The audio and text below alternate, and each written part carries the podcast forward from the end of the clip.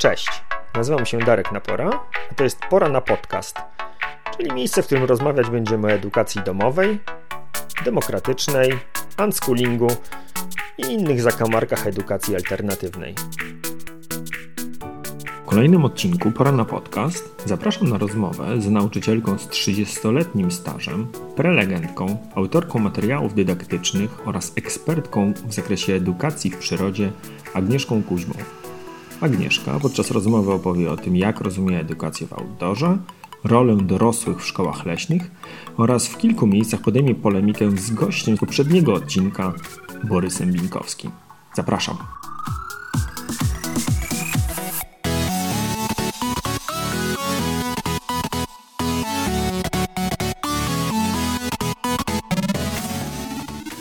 Przejdźmy do tego pytania, które zawsze rozpoczyna mój podcast, czyli co u Ciebie żywe?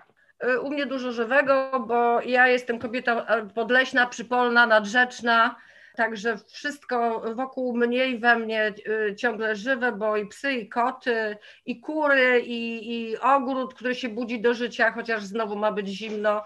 Także wszystko to y, dookoła mnie buzuje i daje mi sporo nowej energii, jak co roku oprócz tej, tej energii takiej z natury, to jeszcze taka żywa energia przychodzi do mnie od ludzi, którzy zajmują się tą, e, e, tą profilaktyką deficytu natury w bardzo szerokim spektrum od e, wielu już lat i oni sobie tam dłubią, mimo pandemii, mimo różności takich przeciwnych, to oni sobie cały czas w tym swoim fantastycznym świecie funkcjonują i bardzo bym chciała, żeby funkcjonowali osmotycznie, co niestety póki co jeszcze się nie dzieje w polskich realiach, a i też za granicą. Nie we wszystkich tu krajach, ale bardzo by mi zależało na tym, żeby tak to wszystko żyło, jak żyje dookoła mnie. No dobrze, y, użyłaś już y, od razu na wstępie jakiegoś związanego z przyrodą i, i przywołującego wspomnienia z lekcji biologii, żeby działały osmotycznie. Co miałaś na myśli, używając tego słowa? Żeby się przenikało, żeby była osmoza, żeby była osmoza między tym, co się dzieje w systemie, tym, co jest zakodowane w, wiesz, w, w ludziach, y, którzy są związani na poziomie decyzyjnym mhm. z oświatą, a tym, co się dzieje gdzieś tam podskórnie, pod spodem, to, co się dzieje między nami, między ludźmi, którzy wiedzą, jakie, jakie się sprawy powinny dziać.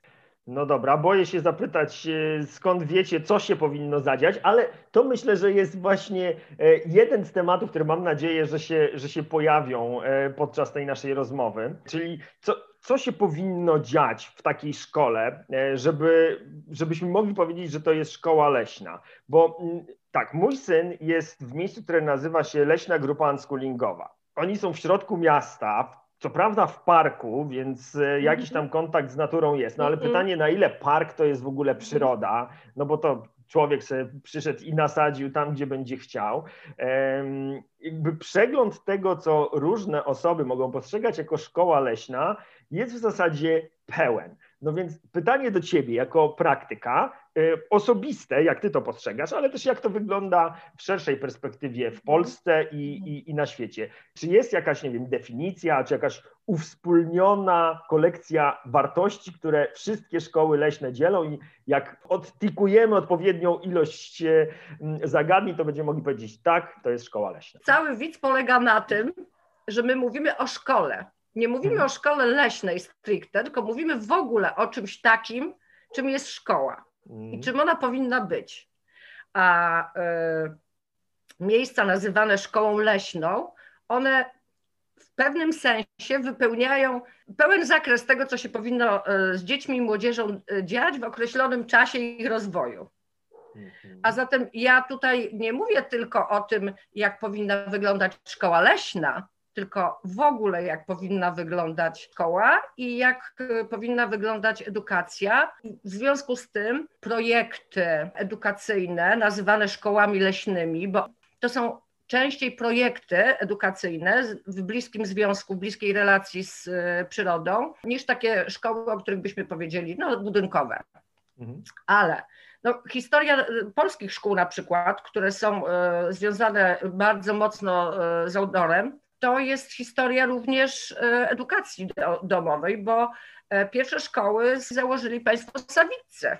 I te pierwsze szkoły, które oni przejęli, nazywane teraz szkołami górskimi, które już mają nie tylko przedszkola, szkoły podstawowe, a nawet mają i szkołę średnią, te szkoły ileś lat temu zostały przyjęte z systemu one są szkołami nadal bezpłatnymi, nadal funkcjonują w tych wsiach, w których e, ktoś nie chciał po prostu tych szkół, bo uznawał, że są zbyt małe albo że e, zbyt kosztowne i oni wyjechali, wyjechali z wielkiego miasta, skupili wokół siebie też takich właśnie freaków i skupiają się przede wszystkim na metodzie e, Montessori, ale też e, są zwolennikami sojuszu metod. Outdoor w e, ich wydaniu to jest wielki filar tej edukacji, a zatem praktykują outdoor w szkole publicznej, w szkole dla wszystkich, Robią to każdego dnia. No jest to fantastyczny przykład na to, jak może funkcjonować szkoła nazywana szkołą publiczną, nie nazywana szkołą leśną, nie nazywana szkołą outdoorową, a która te wszystkie cele, o których my byśmy powiedzieli, że takie ma szkoła leśna, realizuje.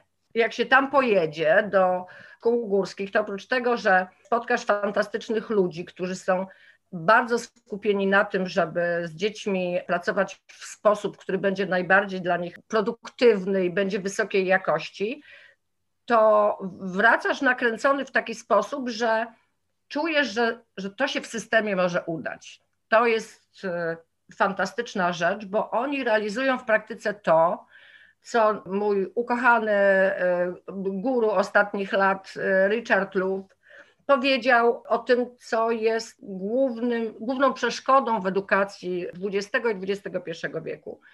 Ten deficyt natury, właśnie zespół deficytu natury. Fakt, że e, w edukacji odeszliśmy tak daleko e, od naszych korzeni. Borys to, Borys to nazwał w, w, w rozmowie z Tobą jakąś ideologią, jakąś wizją. No ale tak nie jest. To jest po prostu cząstka nas, tak to trzeba nazywać i wszystkie te rzeczy, które służą dobrej edukacji, służą mówiąc po prostu mózgowi, czynnościom poznawczym, one się biorą z właśnie z tego, y, jakimi jesteśmy konstruktami biologicznymi. I tego się ominąć po prostu nie da. Dlatego ty masz leśną, y, leśną grupę w środku miasta. I teraz przejdę może ze szkół górskich, które zaczęły to lata temu, mhm. lata temu, tak jak Państwo Sawicy zaczynali, zaczynali ten outdoor. Oni mają, słuchaj, wszystkie przerwy na zewnątrz, oni mają dużą przerwę na zewnątrz, oni mają coś, co ja nazywam roboczo bazą natura, a zatem mają zewnętrzną salę lekcyjną. Oni wyłażą na te lekcje biologii, geografii, e, chemii, fizyki, wyłażą na dwór, chociaż w tych małych wsiach outdoor wydaje się, hmm, outdoor, no błoto, no patyki, no co, co w ogóle jest fajnego w tym wszystkim? To nie jest ten e, outdoor, który my mamy w miastach, że jesteśmy gotowi zapłacić straszne pieniądze na to, za to, żeby się dzieci uciaprały w tym błocie po e, kokardę. No więc przechodzę płynnie do tego, że te projekty, y, o których mówię, bo, bo są to nadal projekty, nie mamy zarejestrowanych szkół na prawach publicznych, bo to są nadal projekty i y, nawet y, szkoła, Puszczykowa Szkoła, to jest projekt w ramach Instytutu Dobrej Edukacji pani minister Hal i on działa też trochę na zasadzie edukacji domowej, edukacji takiej pozasystemowej, ale to są różne projekty i one się na przykład znajdują w środku też wielkich miast, gdzie wykorzystują pobliże parku i możliwość korzystania z ogródków działkowych. I tę przestrzeń wykorzystują do wspierania swoich e, projektów nauczania blokowego. Staram się wy, wyłuszczyć ten, ten fragment, po pierwsze, który trochę cię odpalił, kiedy słuchałaś Borysa, ale też który ty chciałabyś zdefiniować jako ten, to spoiwo, mhm. które, mhm. które pozwala tobie docenić e, jakiś Rozumiem. projekt edukacyjny czy jakąś szkołę. E, i, tak. i, mhm. i, i, nazwać ją szkołą leśną, czy, czy, czy, tym, co ty pojmujesz jakoś szkoła leśna. Więc tak, po pierwsze, jeżeli chodzi o, o Borysa, to jeżeli dobrze usłyszałem, to dla ciebie kłopotem, e, czy, czy to, co, to, co ciebie, e, co tobie się nie podobało w jego wypowiedzi, czy po prostu może się z tym nie zgadzasz, był aspekt tego, że on postrzega stawianie kontaktu z przyrodą jako filaru edukacji, jako swego rodzaju ideologię, a nie absolutnie fizyczną potrzebę każdego człowieka, tak? Czy, czy, czy dobrze to zrozumiałem? Tak, tak, dokładnie tak. No okay. to y, jeszcze zanim pójdziemy dalej, zanim pójdziemy dalej, to jeszcze może o tym deficycie natury. Dobra, a poczekaj, ja mogę jeszcze do, to drugie pytanie chciałem zadać, bo e, tak? to, to, już cieszę się, że udało się nam to, to ustalić i też będę do tego wracał, e, bo w drugiej części chciałem, żebyśmy się spróbowali zastanowić nad tym, czym się te szkoły od siebie różnią, jakie, jakie się okay, pojawiają. Okej, okay, dobrze, dobrze, no to prowadź tak według swojego planu, dobrze to nie, jest, to nie jest tak, że ja, wiesz, będę ciebie tutaj wtłaczał w mój plan, ale chciałbym jakby zaznaczyć te fragmenty, które dla ciebie być może są oczywiste, a mi zależy na tym, żeby wszyscy zrozumieli, o co, o co tobie chodzi. I teraz, jeżeli okay, chodzi... Okay. Jeżeli chodzi o, o szkoły leśne, bo tutaj to dla mnie nie wybrzmiało. Czy w Twojej ocenie po prostu przebywanie fizycznie na dworzu czy, czy na zewnątrz, niezależnie od mhm. tego, jakie to jest środowisko, to już jest warunek wystarczający, żeby taka placówka spełniała te kryteria szkoły leśnej? Czy tego, co, co ty rozumiesz, e, szkoła leśna? Wiesz, tu jest, tu jest taki e, problem definicyjny, hmm. bo przywykliśmy do różnych mód e, edukacyjnych i przywykliśmy do różnych alternatyw, i lubimy je nazwać y, starym jakimś naszym określeniem, które znamy i lubimy, które nam się podoba. E, I tutaj edukacja, która jest w outdoorze, ona nie musi przebiegać w szkole leśnej, a szkoła leśna, e, taka definicja szkoły leśnej, czy też przedszkola leśnego, bo to się wzięło bardziej z przedszkoli leśnych, bo jakby, jakby początkiem tych wszystkich połączeń edukacji z naturą, nie tylko z lasem, to się wziął z y, projektów przedszkolnych i twórca wychowania przedszkolnego, który się nazywał Friedrich Frebl, on y, uznał y, wagę natury i pobytu dziecka w naturze jako niezbywalny warunek jego rozwoju.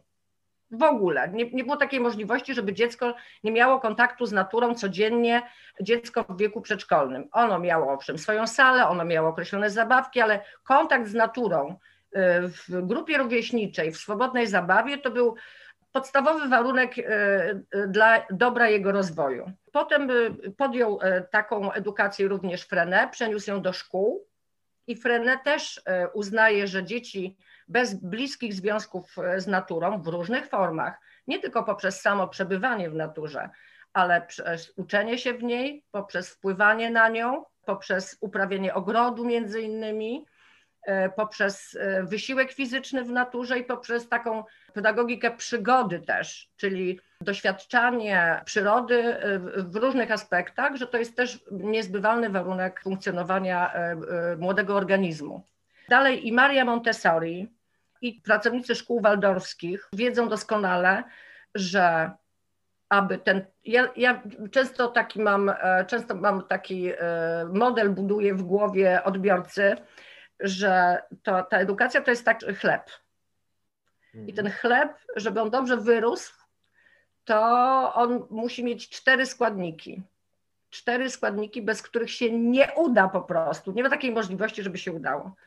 A ponieważ e, pierwsza mielinizacja mózgu i ta najważniejsza dla człowieka odbywa się właśnie w pierwszych latach jego życia, więc fakt, że Borys nam mówi, że tam w przedszkolu to niech się bawią tym patykiem, tam w tym błocie siedzą, ale potem to dopiero się zaczyna edukacja i potem to już oni muszą mieć warunki, żeby się lepiej rozwijali i potem to dopiero, no mogą tam wychodzić na ten dwór i mogą tam jakieś te zajęcia mieć tam z tej fizyki czy z biologii, ale cała nauka to się dopiero zaczyna, jak one wyjdą wejdą do tej czwartej klasy, bo wtedy ten rozwój poznawczy się zaczyna. No i tak nie jest. bo e, pamiętajmy o tym, że wszystkie te wielkie pedagogie i te, te alternatywne e, szkoły zaczęły się właściwie od ludzi, którzy zajmowali się deficytami rozwojowymi dzieci. Bo i Frenet, i Montessori, i potem e, również Loris Malaguzzi, on się, oni się zajmowali tym, jak sprawić, żeby ten rozwój był pełen, żeby nie podupadało zdrowie fizyczne i psychiczne i żeby jednocześnie kompetencje społeczne, emocjonalne były na wysokim poziomie, a zatem, żeby dzieci miały ze sobą jak najliczniejsze relacje i przy tym wszystkim, żeby nie ucierpiał na tym rozwój poznawczy. Więc żeby ten chlebuś nam taki piękny y, urósł z tą wypieczoną skórką, to e, musi się to odbywać w bliskich e, relacjach e, zarówno z innymi dziećmi, jak i z przyrodą, z, ze środowiskiem dookulnym. Loris Malaguzzi powiedział, że dzieci mają 100 języków i ja bym tutaj składała się ku, ku tej jego teorii, ponieważ jest takie podejście, które nazywa Reggio Emilia i w tym podejściu uznaje się wszystkich ludzi dookoła dziecka, wszystkich ludzi, wszystkich nauczycieli dookoła dziecka i całą przestrzeń, która jest mu dedykowana za tych trzech głównych nauczycieli. A zatem nie ten nauczyciel, co ma ten dyplom i przychodzi i mówi, ja wam tu teraz będę e, opowiadał o, o tym czy tamtym, tylko nauczycielami jesteśmy wszyscy. E, I tak jak e, często przypomina się również w kontekście szkół leśnych, o teorii wioski, która uczy, o teorii tego najbliższego środowiska, o tych kręgach środowiskowych, to właśnie przyroda to miejsce, które jest e, w określony sposób wypełnione przez osoby dorosłe, również poprzez to, jak są ubrane, również poprzez to, co piją, z czego piją, co jedzą, czym się poruszają, w jakich miejscach przebywają. Wszystko to buduje tego e, młodego człowieka. I dlatego projekt, który nazywa się Szkołą Leśną, to jest jakby wypełnienie tego, czym powinna być e, placówka, w której gromadzi się dzieci, żeby się uczyły. Wypełnia tę lukę, która jest w e, edukacji systemowej. Ja pracuję w wielkiej podmiejskiej szkole i mam grupę outdoorową dzieci e, w różnym wieku, małych dzieci. I wyobraź sobie, że e, dziewięć oddziałów jest, dziewięć oddziałów jest dzieci młodszych i jest wielociągowa szkoła podstawowa. I wyobraź sobie, że chodzę na przykład po dziewiczym śniegu na terenie obiektu ze swoją grupą. I tego śniegu, jak się dosypie, to ja znowu chodzę po dziewiczym śniegu. Wiesz, o czym ja mówię? Mówię no, o dzieci tym. są w środku. No, gdzie dzieci wypuścić na śnieg, pomoczą sobie buty, potem co, kto będzie tą szatnię sprzątał? Tak. I tak dalej, i tak dalej. A zatem, wiesz, projekt Szkoła Leśna e, dla jednych, powstał, dla jednych powstał jako najzupełniej naturalna konieczność, tak jak Sawiccy zrobili to e, w montessoriańskich szkołach, bo Maria Montessori zakładała niezbywalny kontakt dziecka z e, przyrodą, uznawała to i w różnych aspektach dając dziecku materiały wyłącznie naturalne, gdzie tam nie ma plastiku, wiesz, takie różne sprawy. E, I zakładając e, całkowite ogarnianie siebie, sprzątanie, szykowanie do stołu, przygotowywanie posiłków i tak dalej, to w szkołach leśnych to jest jak gdyby wyciągnięte na plan pierwszy. My pracujemy tutaj, zobaczcie, mamy, mamy flagę, jesteśmy szkołą leśną albo przedszkolem leśnym, bo my dużo czasu spędzamy e, w naturze. Teraz e, dotarło do mnie, na którym, na którym poziomie ten brak zgody między tobą a, a Borysem się pojawił. I muszę tobie powiedzieć, że to jest też fragment, z którym ja e, miałem dość spory kłopot, bo ja również nie, nie, we wszystkich aspektach z tym, co Borys mówił, się, się zgadzam. Co więcej, z Marią Montessori też się nie do końca zgadzam. I ja również. I to są, i, i, i, i to jest właśnie ten, ten e, element, e, po pierwsze, roli dorosłego w tym, co dzieje się e, w relacjach z dziećmi czy z młodymi osobami. Ale również tego, jak podchodzimy do, y, do kwestii tych umiejętności szkolnych czy umiejętności akademickich. I to są przynajmniej dla mnie na pierwszy rzut oka takie dwie najbardziej rzucające się różnice, które z całą pewnością y, będą funkcjonowały, y, kiedy weźmiemy sobie e, szkoły leśne z różnych miejsc w Polsce, a z całą pewnością z różnych e, miejsc na świecie. Na świecie. I, i, i teraz bo być może w Polsce jesteście w tym bardzo spójni, by, ty, dlatego że, je, że to wciąż stosunkowo niewielka, nie, niewielka grupa, ale chciałbym teraz właśnie Ciebie poprosić o, o, o, komentarz Twój osobisty, ale też ewentualnie opowieść o tym, jak to wygląda, jak to wygląda w innych miejscach. Bo tak, no wspomniałaś o szkołach waldorskich, gdzie, żeby zostać nauczycielem, trzeba zdobyć w ogóle uprawnienia, kursy, tak, to trwa tak, Bóg wie tak, ile. Tak. Są szkoły leśne, które znowuż y, dryfują bardzo w stronę edukacji demokratycznej czy, czy tak. wręcz unschoolingu. Tak. Są wreszcie szkoły leśne, które trochę próbują przenieść w realia, tak jak ty mówisz, outdoorowe, to, co się dzieje w normalnych szkołach, czyli oni jakby z pełną tak. akceptacją tego, że obowiązek nauki i podstawa programowa to są tak. racjonalne wybory i my po prostu będziemy to robili tak, żeby, żeby dzieci miały kontakt z przyrodą. I teraz ciekaw jestem, gdzie ty się w tym spektrum znajdujesz, bo przynajmniej tak jak ja zrozumiałem to, co mówił Borys, to on nie odcina się od takiego akademickiego sznytu, który jest obecny w szkole. On bardzo otwarcie mówił, że rozwijanie umiejętności szkolnych to, to jest część tego, co, co on widzi tak, jako, tak. jako proces rozwojowy dziecka. No i ciekaw jestem, jak, jak ty to postrzegasz, gdzie ty się w tym spektrum e, znajdujesz. Powiem, zrobię taki wtręt osobisty. Dawaj. Bo wiesz co, ja w 2016 roku mnóstwo się zadziało różnych rzeczy dookoła mnie, e, gdzie ja po e, prawie 30 latach pracy i nagle dotarło do mnie, że mnóstwo dzieci choruje na coś, że mają alergię, wiesz, że mają astmy, że mają cukrzycę, i to nie chodziło o, y, o dzieci, wiesz, jakichś osób, które y, by nie dbały o te dzieci, które by nie, nie stwarzały im odpowiednich warunków. I nagle do mnie zaczęło, słuchaj, docierać, że e, dzieci w, e, w moim otoczeniu i dzieci z moich grup przedszkolnych też się bardzo zmieniły. A ja pracuję, słuchaj, od samego początku w jednym i tym samym miejscu mam okazję do badań panelowych własnych, ponieważ pracuję z, z dziećmi swoich pierwszych e, wychowanków.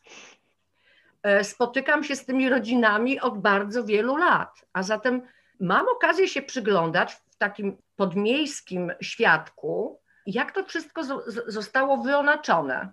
I postanowiłam się temu bliżej przyjrzeć. Pieniężyłam swoją e, polisę na życie, która była bardzo nieduża, i wzięłam urlop zdrowotny jako nauczyciel y, służby państwowej i podczas roku podróży po Europie, gdzieś tam indziej ja podróżowałam już, to nie były moje, wiesz, wielkie wow podróże dedykowane, wiesz, y, temu, żeby sobie zrobić pod wieżą Eiffla fotę.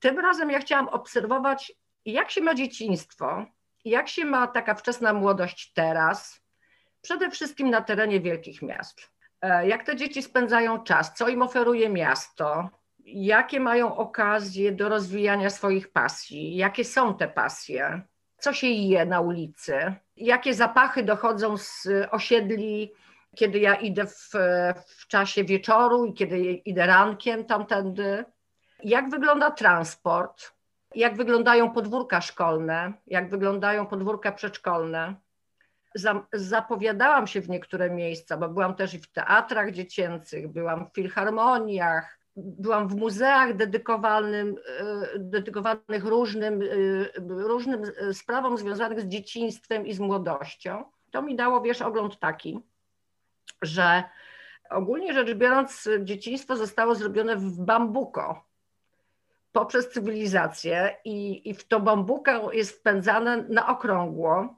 ponieważ my mieliśmy dobre wzorce edukacji.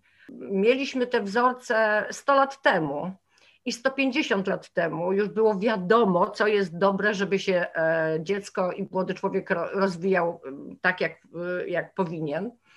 E, ale to się po prostu nie stało, dlatego że to e, z grubsza dla polityk, dla wielkich polityk i dla wielkich cywilizacyjnych interesów e, fakt dzieciństwa i wczesnej młodości jest zmarginalizowany, bo chodzi o to, żeby e, wyprodukować, e, wyprodukować, sobie, wyprodukować sobie ludzi, którzy będą trochę chorzy, trochę zagubieni, trochę, trochę smutni. Trzeba im coś dać, za co oni potem do czego będą dążyć i, i za co będą chcieli zapłacić.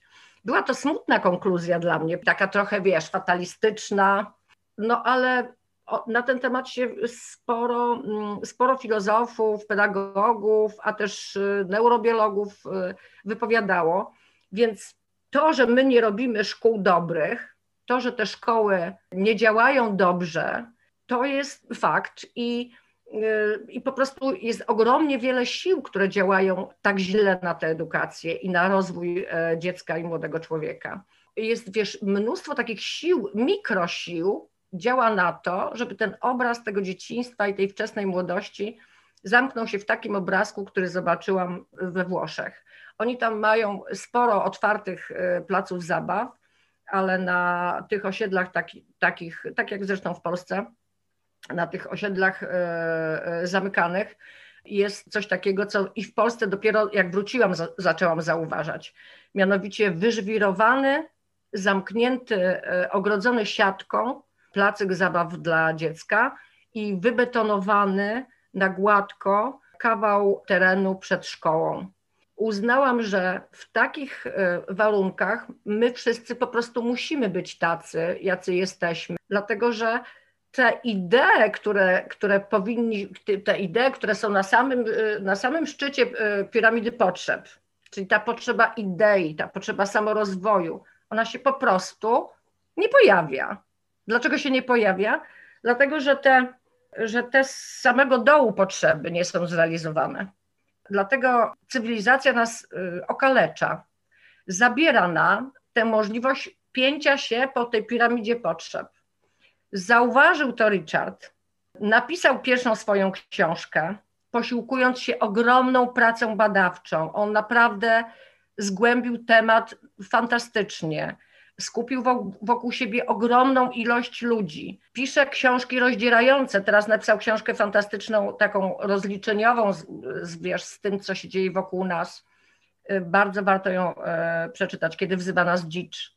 Mhm. E, I pisze tam o tym, że być może japońskie czy chińskie pomysły na zwierzątko elektroniczne, które znamy jeszcze, Pikachu się to chyba nazywało, tak? Pamiętasz Pikachu? Tama, nie, to Tamagotchi. Pikachu Takie to zwierzątko, ten, które trzeba było karmić. Tak, tama, Tamagotchi. A, Tamagotchi, tak, Tamagotchi. No, Tamagotchi, tak, tak. Pikachu to no teraz no moje dzieci że... są w tym okresie, uwielbiają bajki o Pikachu. O Pikachu jest ten inny, no tak.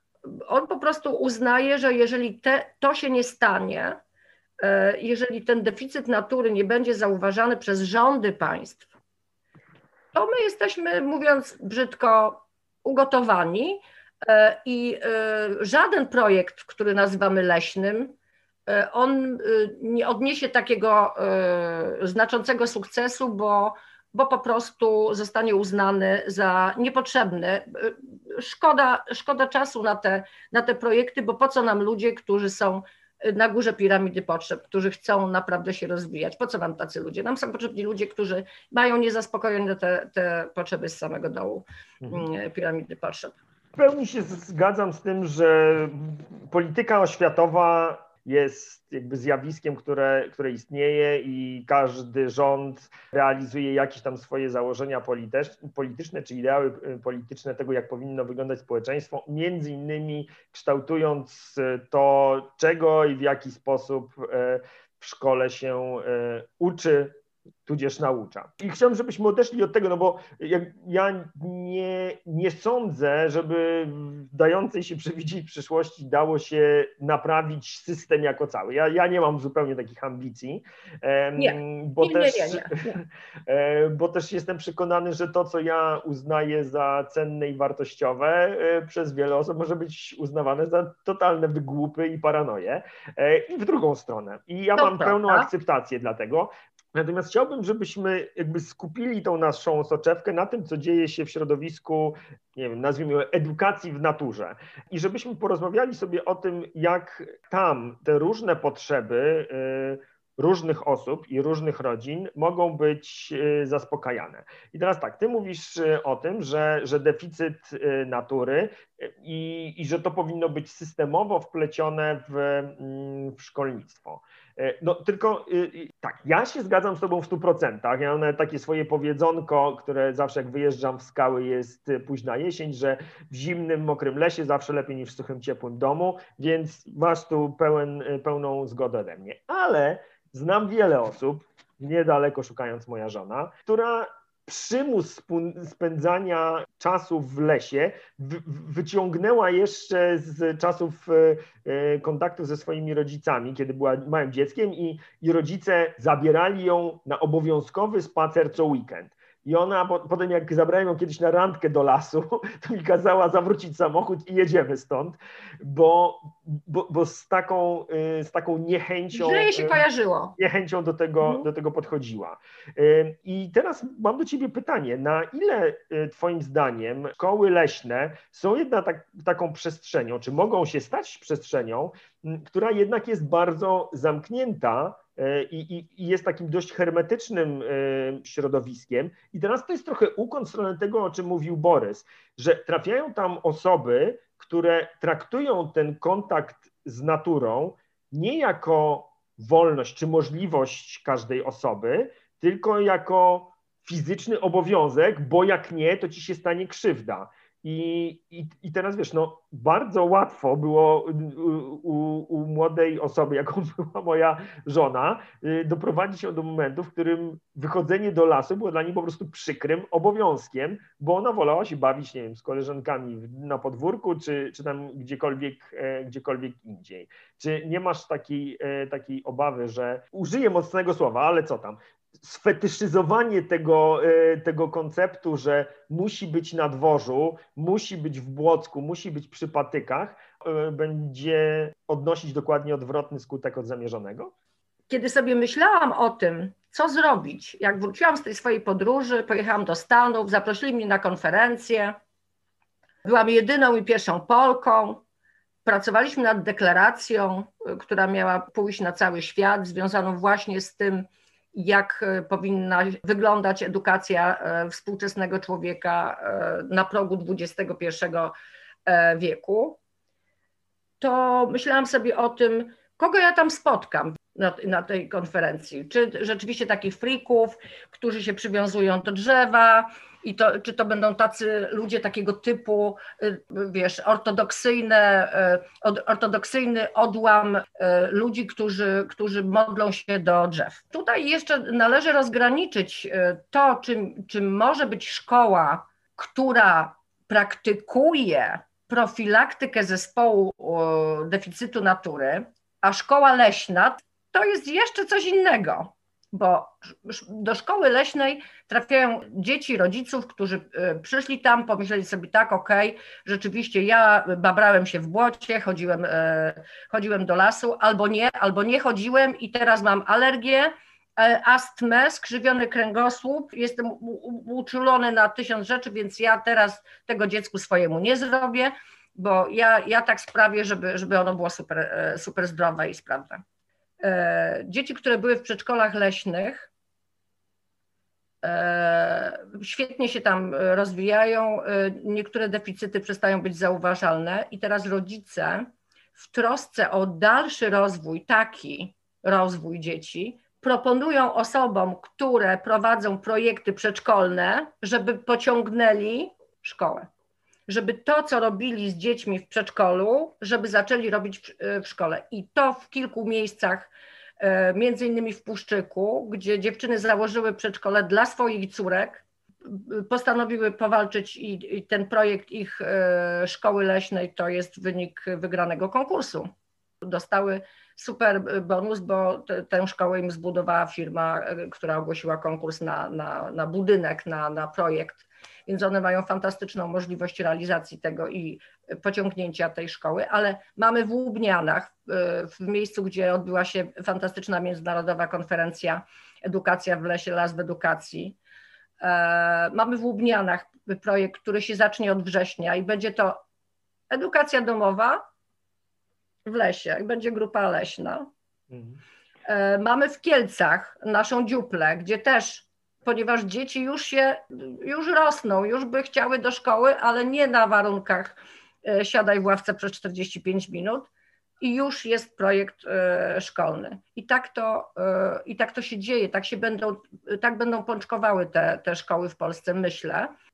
Że Dobra, mogę się... Tobie przerwać teraz na sekundę, bo tak. Y, już przeszłaś tak. do kolejnego tematu, a ja chciałem Ciebie jeszcze y, na chwileczkę wrócić do, y, do tej kwestii tworzenia szkół przez rodziców, którzy mhm poszukują rozwiązań dla, dla swoich dzieci. To, co jest kluczowe w tym, w tym rozwiązaniu, to jest e, ta dyskusja o, e, o, o, roli właśnie rodziców, czy o roli dorosłych w ogóle w życiu dzieci. I teraz e, ja tak sobie myślę, że, że to jest jakaś tam kolejna linia, na której bardzo wiele różnic może się pojawiać między, między różnymi placówkami i na pewno w postrzeganiu tego, czym powinien się zajmować nauczyciel, czy czym powinien się zajmować e, rodzic w takim miejscu. Ja, e, jak się przygotowywałem do tej naszej rozmowy, to przeczytałem sobie post, e, który ty wrzuciłaś parę dni temu i muszę ci powiedzieć, że mnie trochę zmroziło, bo tam był taki fragment. Rodzice tymczasem często nie mają odpowiednich kompetencji, aby dobrze pokierować się procesem wczesnej edukacji, a z całą pewnością nie posiadają potencjału grupy rówieśniczej. No i teraz tak, ja rozumiem, że są osoby, które e, tak e, tę kwestię postrzegają, e, tylko że w tym krótkim fragmencie zawiera się tak naprawdę bardzo ważna informacja. Czy ty jako osoba i czy szkoły, czy w szkołach leśnych, jak często pojawia się jednak takie przekonanie, że dziecko będzie w stanie się rozwijać tylko kiedy je i tutaj e, pojawia się to słowo, które uwielbiają homeschoolerzy, zostanie zinstytucjonalizowane, no nie? Że dziecko w środowisku domowym nie będzie się w stanie rozwijać, bo rodzice nie mają e, odpowiednich kompetencji. I co ciekawe, to jakby otwiera nam całą masę kolejnych dyskusji, bo tak, mm, w szkołach leśnych e, na pewno nauczy się, nie wiem, czym się tam różni mlecz od mniszka, czeremcha od kruszyny, ale czy będzie tam e, przestrzeń e, na to, e, co jest ważne dla Borysa, czy to może, co może być ważne dla bardzo wielu innych rodziców, mm, czyli nie wiem, umiejętności analityczno-matematyczne, czy IT skills. I, I na ile ta przestrzeń edukacji w naturze jest, jest gotowa na to, żeby cało, całe to spektrum postaw czy sposobów postrzegania roli dorosłego, tego na ile dorosły ma być przewodnikiem, na ile mm, przywódcą, na ile ma być źródłem wiedzy, na ile tylko towarzyszyć dziecku w zdobywaniu wiedzy. I czy to tak naprawdę chodzi tak bardzo o kwestie lasu, parku czy klasy, czy to tak naprawdę się rozbija o coś dużo ważniejszego, czyli o takie pytanie, które Mariusz Dziesiątko podczas rozmowy ze mną zadał, czyje jest dziecko? Czy dziecko jest rodziców? Czy dziecko to jest po pierwsze obywatel i część społeczeństwa? Jest swoje własne. Czy dziecko jest swoje własne? No właśnie. I teraz e, wydaje mi się, że, że, że ta odpowiedź tak naprawdę jest kluczem do tego, żeby ustalić sobie, co, co się w tych szkołach dzieje, bo, bo dla mnie to, to, że dla ciebie jest kluczowy outdoor, żeby to było na dworzu, to nie, ja to słyszę. Nie, nie, ja to słyszę. To nie tak. Okej, okay, no to dobra, to, to tłumacz mi w takim razie. Jak, poszedłeś, jak poszedłeś w dwie.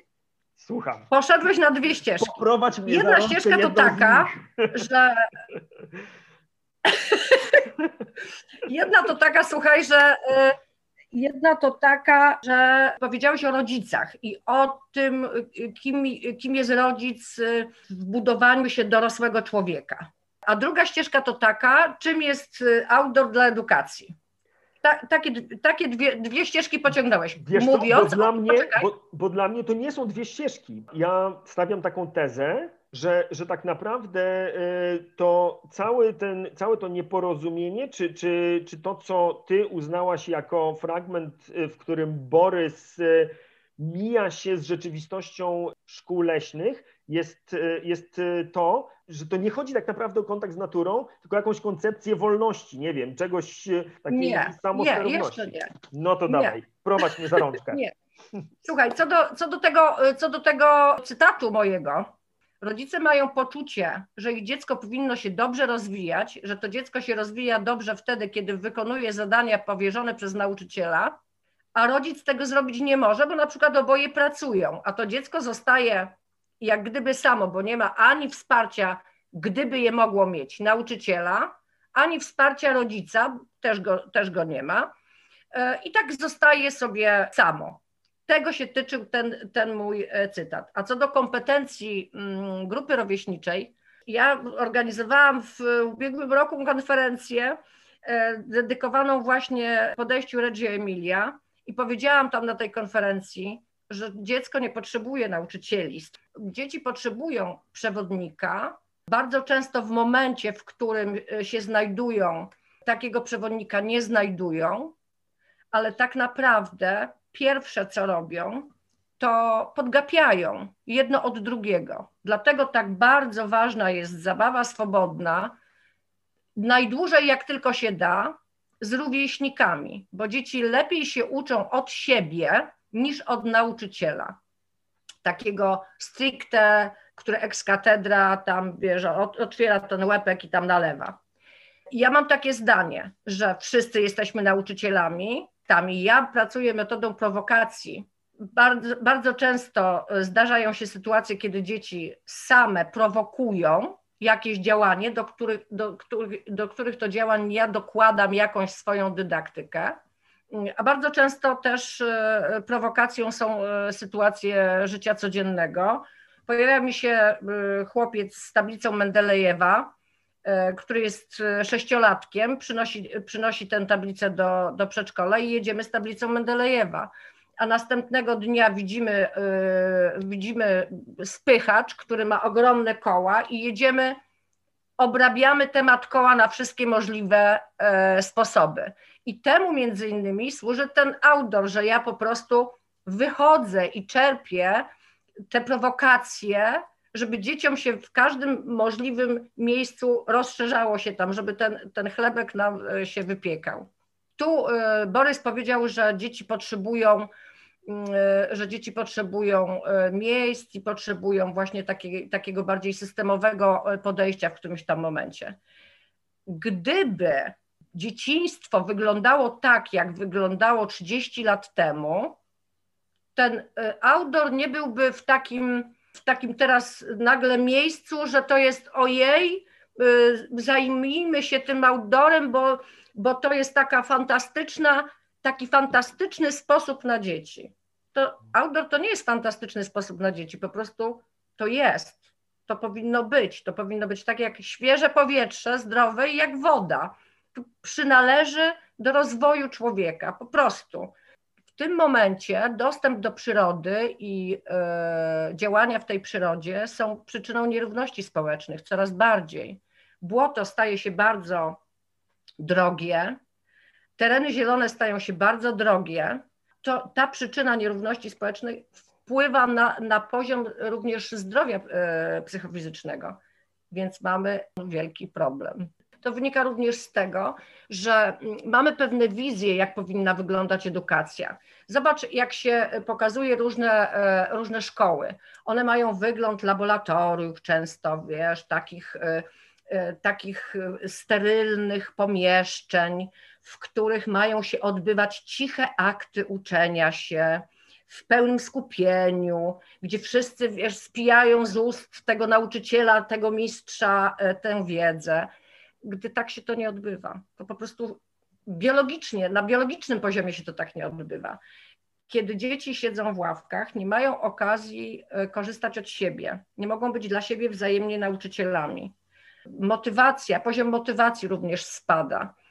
E, I wszystkie te czynności poznawcze zaczynają powoli spadać to, co ja słyszę, e, to je, ty się bronisz, ale ja, może to kwestia moich filtrów i, i to, jak ja rozumiem Twoje mhm. słowa, ale tak, powiedziałaś, żeby była jak najdłużej swobodna zabawa.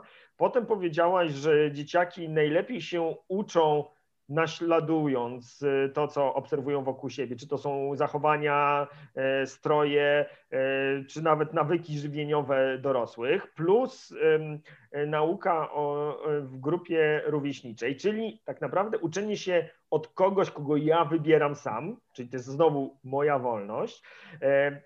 Uczę się tego, czego chcę, bo to, co mi jakoś tam imponuje, co mnie interesuje, co mnie fascynuje, mówisz, że nie, ale dla mnie to jest właśnie o wolności, o tym, że to dziecko jest mm, podmiotem no jest to wolności i jest samosterowne w zakresie tych decyzji, które, y, które podejmuje. Y, I ja myślę, że, że ten, ta, ta, różnica między tobą a Borysem właśnie tutaj, tutaj bym jej upatrywał, że, że Borys myślę przynajmniej tak ja zrozumiałem jego wypowiedź. Być może będziemy mieli trzecią część naszej dyskusji, gdzie was razem posadzę przy mikrofonach, gdzie, gdzie on jednak e, z akceptacją podchodził do tego, że są pewne umiejętności, które e, młody człowiek powinien wynieść, e, kończąc jakiś tam etap edukacji. I, i, i dla mnie dla mnie to było bardzo o tym. Natomiast e, wiesz, jak e, Tomek Tokarz, jak tam wrzuca te swoje takie jedno, jednolinijkowce czy jednozwrotkowce, to on zawsze tam wrzuca, że można się uczyć kiedy chce, od kogo chce i uwaga, czego chce. Więc ciekaw jestem, czy ty miałabyś e, taką gotowość, żeby powiedzieć, że dziecko się może uczyć w szkole leśnej czego chce i czy jest na to miejsce w szkole leśnej. I tutaj e, ode mnie anegdotka, bo moja żona kupuje e, w tak w dziesiątkach egzemplarzy już to należy liczyć, taką książkę pod tytułem Moja żona mm, głaszcze jeże. I to są takie rozmowy z, do, z dojrzałymi małżeństwami. I jednym z tych małżeństw jest pani Elżbieta, o jest jak ona się Malzan, chyba jakoś tak, e, i e, jej mąż. I ona jest taką wojującą ekolożką, a on znowuż e, jest chyba już nie jest pracownikiem, ale przez wiele lat pracował w lasach państwowych w Puszczy Białowieskiej. No i oni tam jakby mhm. prowadzą od kilkudziesięciu lat wspólne gospodarstwo domowe, będąc po prostu po dwóch stronach spektrum. I ciekaw jestem, jak ty to odbierasz? Czy jest miejsce w szkołach leśnych na takie, y, na, na, na, takie zróżnicowanie postaw wobec choćby roli człowieka w naturze. No nie? Na ile człowiek jest częścią przyrody, a na ile jest y, tym, tą jednostką, czy tą nadrzędną jednostką, która ma zapanować nad przyrodą. Czy jest y, taka przestrzeń w szkołach leśnych? Wiesz co, w 2000 bodaj 18 czy 19 roku państwo Sawiccy wymyślili e, coś takiego, żeby zetknąć ze sobą 20 e, osób, które się zajmują edukacją leśną na różnych poziomach, ponieważ chcieli, e, ponieważ chcieli dojaśnić standardy edukatora leśnego.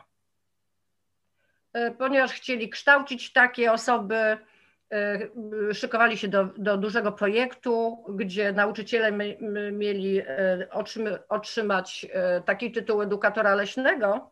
No i zostaliśmy ściągnięci z różnych stron Polski.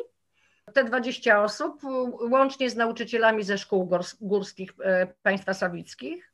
I poznaliśmy różne, różne punkty widzenia na to, o co chodzi z tym edukatorem leśnym.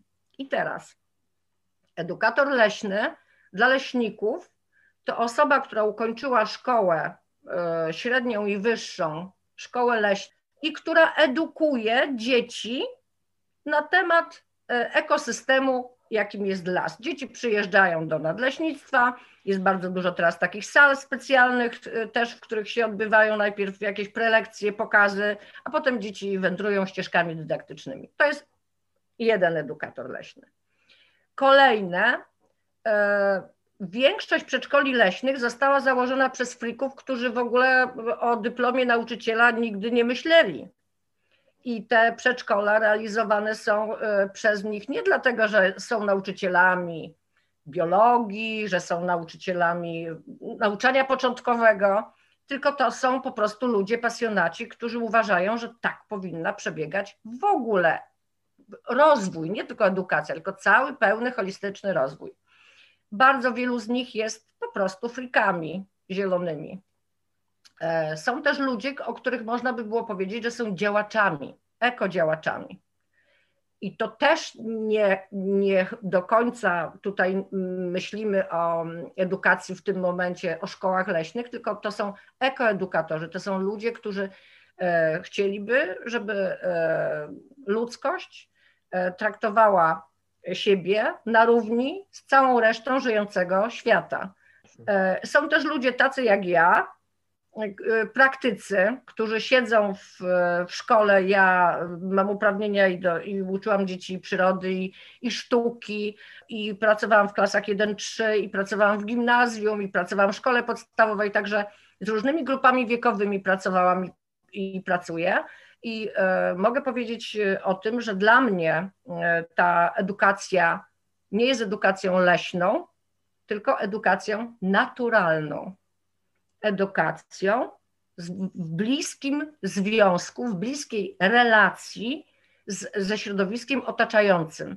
I to nie musi być las, bo to może być e, plaża nad, nad morzem, bo to może być, to mogą być sady, to e, może być ogród i tak dalej, i tak dalej. To może być pole, łąka, mm, teren nadrzeczny i, i tak dalej.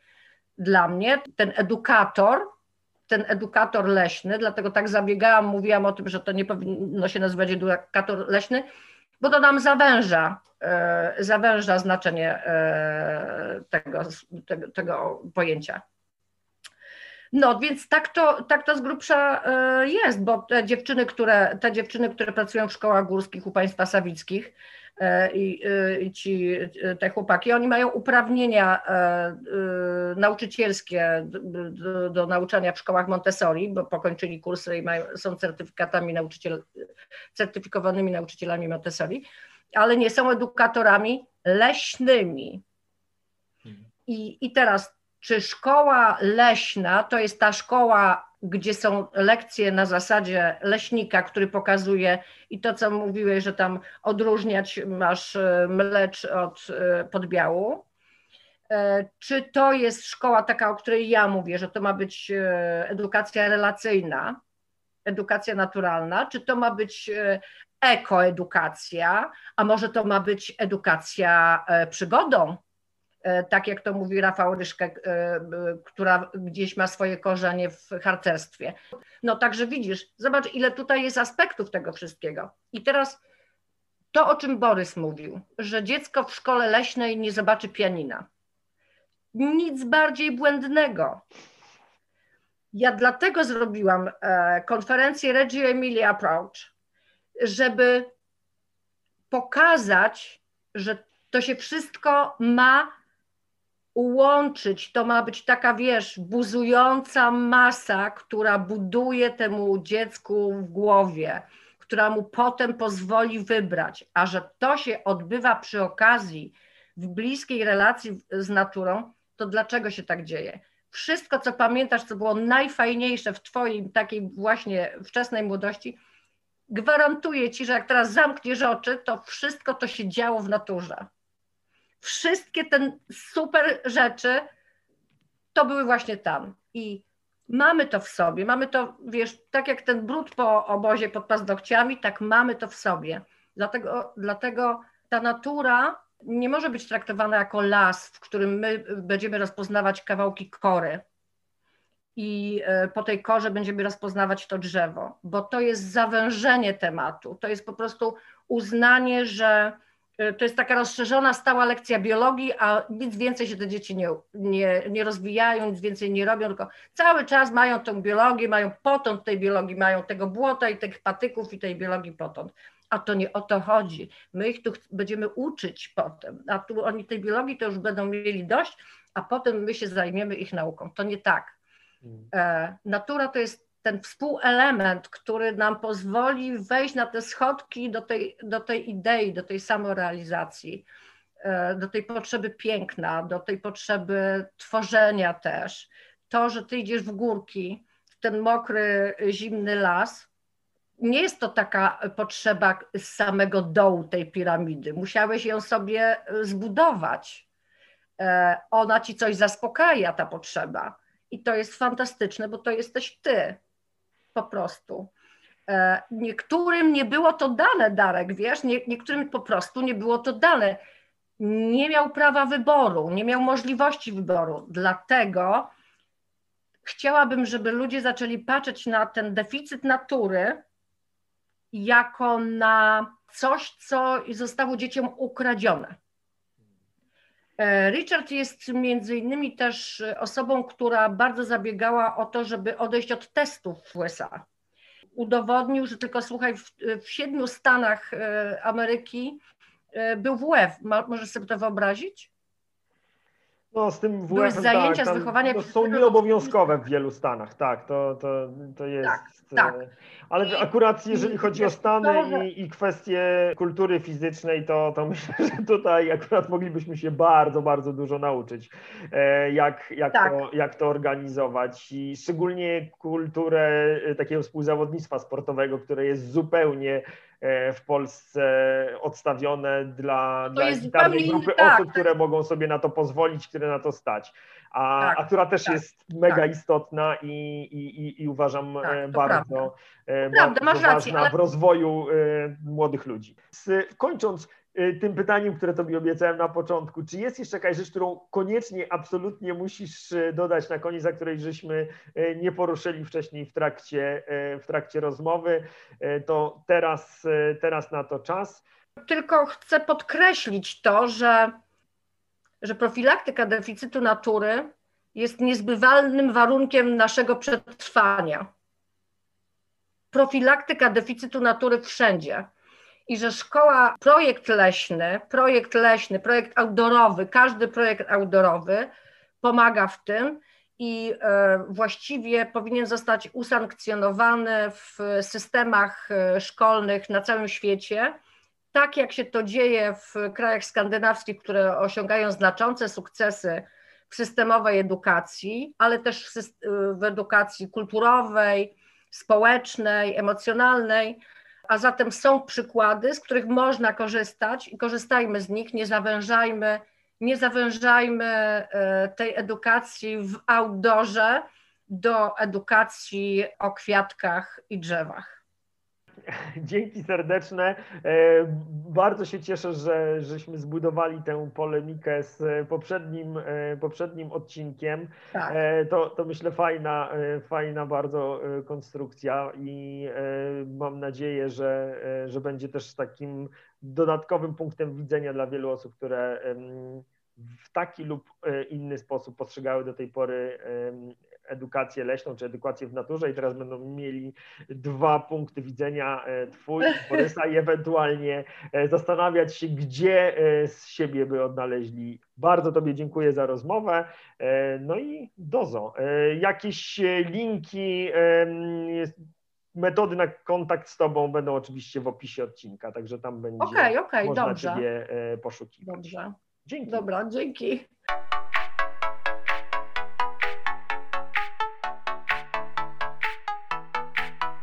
Dzięki za wysłuchanie kolejnego odcinka Pora na podcast. Jeśli uważasz, że był wartościowy, cenny, ciekawy, to zachęcam Cię do udostępnienia go. Jeśli masz jakieś pytania, wątpliwości dotyczące edukacji domowej albo któregoś z tematów, który poruszaliśmy w odcinku, to zapraszam Cię do kontaktu. Mój adres znajdziesz w opisie tego odcinka.